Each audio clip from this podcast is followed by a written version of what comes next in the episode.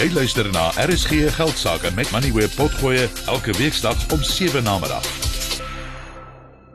Nerina Visser van etfsa.co.za sit hier langs my in die ateljee. Goeienaand Nerina, welkom in die ateljee. Naand, dit is lekker om jy by jou te wees Tinus en saam met die luisteraars ook.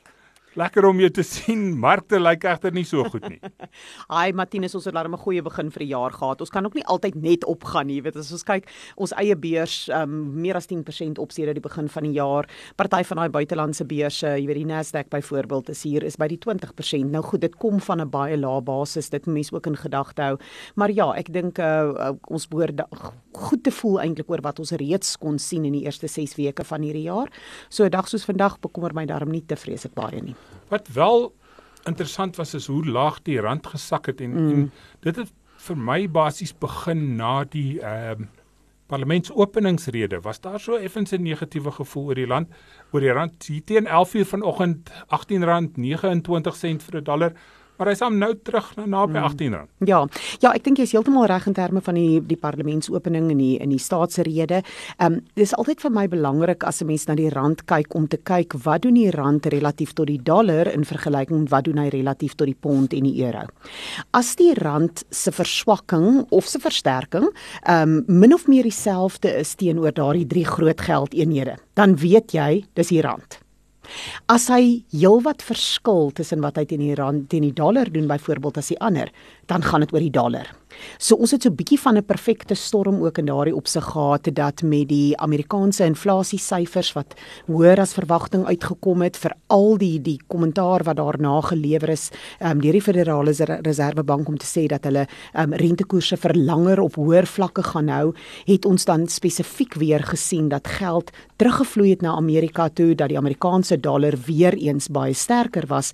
So wanneer die rand dan verswak teen die dollar as gevolg daarvan, dan weet ons dis nie die rand nie, dis nie Suid-Afrika nie, hierdie gaan oor die dollar.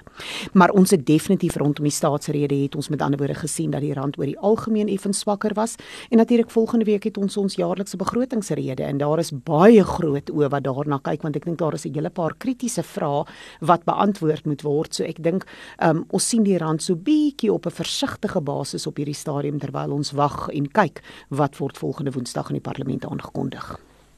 Ons kan nou gesels oor die begrotingsrede. Mm. Ek wil net graag hê jy moet en ek praat elke week hier oor die wipplankeryery in Amerika. Mm. Die een dag sê een van die sentrale bank amptenare nee rentekoerse gaan nie so verklim nie. Die volgende dag sê die volgende ou of hy nou uit Kalifornië of waar vandaan ook al kom, nee, mm. hy dink rentekoerse gaan baie styg en die markte volg dit. Ja, As daar ja. negatiewe ja. kommentaar is, dan sak die markte. Ja, Tinus, dit is so tipeerend van 'n omstandigheid wat waar daar nie regtig baie sterk ehm um, rigtingaanwyser is nie. Daar is geweldige onsekerheid oor hoe die toekoms vir veral vir Amerika lyk, maar daarmee saam dan ook die res van die wêreld. En wanneer jy in so 'n hoogs onsekere situasie is en hier is die groot onsekerheid eintlik maar wat gaan die hoë rentekoerse in Amerika, wat gaan die impak wees nie net op die ekonomie nie, gaan ons moontlik 'n ekonomiese resessie hê, maar daar is ook vrae in terme van 'n uh, kom ons noem dit maar 'n uh, uh, finansiële resultate resessie of 'n verdienste resessie met jou Amerikaanse maatskappye veral. Ehm um, en daar is daar daar's maar twee partye, daar's die wat sê dit gaan goed en daar's die wat sê dit gaan sleg en dis wat 'n mark maak, maar dit lei tot baie wisselvalligheid en baie onsekerheid. Ehm um, so ek is nie verbaas dat ons dit sien nie, maar dit maak dit baie moeilik om op 'n kort termyn eintlik regtig op opinies te hê. Hier moet mense regtig maar daai stappie terugvat en sê, weet jy wat, hier is 'n paar dinge wat nou eers meer klarigheid oor moet kry voordat ons regtig weet wat die volgende rigting, die sterk tendens sal wees in die Amerikaanse markte en daarmee saam dan ook vir ons in die res van die wêreld. Vat jy hierdie stappie terug met jou geld in die mark? Ja, absoluut. So 'n mens moet as jy as jou portefeulje genoegsaam gediversifiseer is en dit moet ons veral baie hê wanneer daar soveel onsekerheid is. So as jy genoegsaam gediversifiseer is, dan is hierdie nie 'n tyd om groot besluite te maak van groot veranderinge in portefeuljes terwyl jy nie eintlik seker is waar die volgende rigting heen gaan nie. Mens wil veranderinge maak waar jy redelike groot sekerheid het oor oor hoekom jy skuif, waar jy verander. So 'n mens bly binne jou beleggingsstrategie soos wat jy dit het, maar dan is die die die belangrike soort van voor voor ehm um, kan nie die regte Afrikaanse woord kom nie, die regte proviso wat jy daar nodig het is om te sê daardie strategie moet toepaslik wees vir jou spesifieke beleggingsbehoeftes en as hy reg saamgestel is, dan is hierdie nie 'n tyd om veranderinge te maak nie. So kom ons kyk vinnig na volgende week. Begrotingsrede. Hmm. Ehm um, daar is al reeds 'n paar verwagtinge geskep vir wat in die begrotingsrede gesê gaan word in die parlementsopening. Maar daar is ook van hierdie klein hondjies wat teen die kantlyn blaf en vra vir baie spesifieke goed wat moet gebeur in die begroting. Verwag jy enige daadwerklike stappe in die begroting? Verwag jy dat ons meer minder belasting gaan betaal? Verwag jy dat ons dalk 'n bietjie korting gaan kry hier en daar op op van die van die goed wat die regering mee kan help. Ja.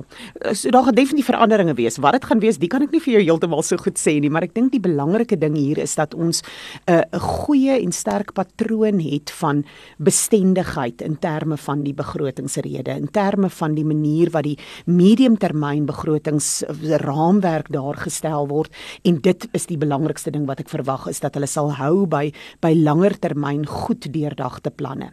Maar daar is uit die aard van die saak 'n paar kort korter termyn spesifieke dinge waarop die fokus is, do definitief die fokus in terme van die finansiering van Eskom, die die aankondiging verlede week deur die president in terme van byvoorbeeld ondersteuning vir sonpanele, daardie tipe van aspekte gaan definitief fokus kry.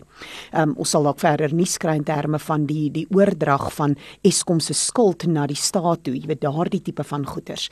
Maar ek dink die ander baie belangrike ding is ons het vergelyk met 'n jaar gelede het ons in die in die begroting begrotingsrede ingegaan met 'n geweldige meevaller in terme van belastinginkomste wat veral van die mynboumaatskappye afgekom het. Dis 'n jaar later en ons weet ons gaan nie weer dieselfde mate van 'n meevaller kry nie. So waar dit verlede jaar die ruimte geskep het om nie noodwendig groot belastingaanpassings te doen nie, dink ek nie gaan hy heeltemal daardie vryheid hê hierdie jaar nie. Ehm um, en ek dink dit is waarvan die kommer vandaan kom dat daar dalk spesifieke belastings ehm um, weet kan by bykom kan verander en so aan en ek dink dit is deel van die groot onsekerheid. Nie net waar gaan die inkomste vandaan kom nie maar dan natuurlik ook hoe gaan daardie geld spandeer word.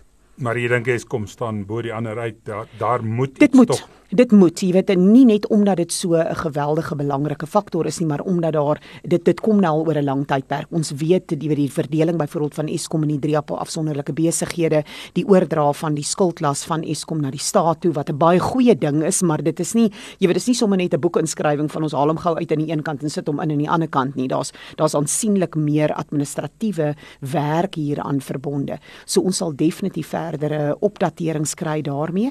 En ek dink daar word met groot afwagting gesien wie en wat sal hierdie minister van elektrisiteit wees want wat ons definitief nodig het is 'n ordentlike ek wil dit amper noem 'n projekbestuurder wat hierdie elektrisiteitskrisis vir ons in al sy aspekte regtig verantwoordelikheid voor kan neem.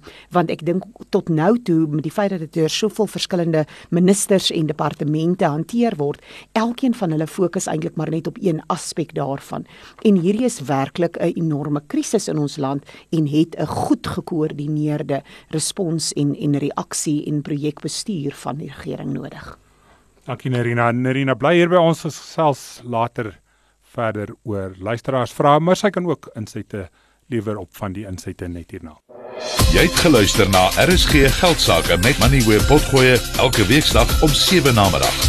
Vir meer Money where potgoe, besoek moneyweb.co.za of laai die toepassing af en volg Moneyweb News om dagliks op hoogte te bly.